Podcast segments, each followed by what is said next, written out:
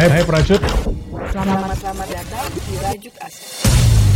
Prajut, ketika pengusaha pusing memikirkan cara membayar gaji karyawan, mereka dipaksa memprioritaskan dana untuk tenaga kerja yang benar-benar dibutuhkan.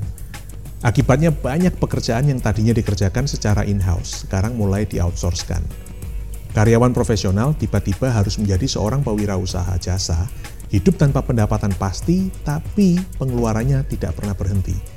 Sebaliknya seorang pewirausaha juga memiliki peluang untuk mendapatkan keuntungan yang lebih daripada seorang karyawan. Perkenalkan gig economy, sistem pasar yang sudah mulai terbentuk tapi akan mendadak mengalami pertumbuhan yang sangat cepat.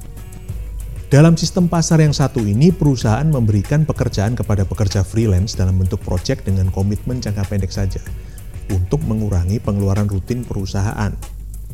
Jadi bagaimana seorang dapat sukses dalam mendirikan usaha kecil dalam bentuk jasa? Tingkatkan skills kita dalam beberapa hal berikut. Yang pertama, project management. Ciptakan sistem kerja yang aman dan nyaman antara kita dengan klien.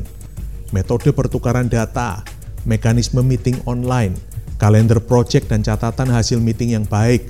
Itu semuanya perlu agar ada follow up yang jelas untuk project ini. Kedua, standarisasi. Pikirkan parameter spesifik untuk mengukur hasil kerja kita. Misalnya, target kita itu bukan bikin desain sosial media yang baik, itu terlalu luas. Tapi bikin desain sosial media yang bisa meningkatkan klik sebesar 150%. Jadi bisa terukur.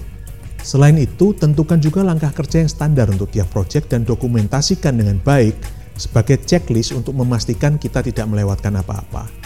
Yang ketiga, legal management Belajar cara menulis kontrak dengan baik dan catat checklist kontrak yang harus kita tanda tangani dengan klien untuk setiap proyek. Perubahan ini tidak bisa kita hindari. Mari kita bersama beradaptasi. Sampai besok, selamat merajut asa. Bersama-sama Nathan,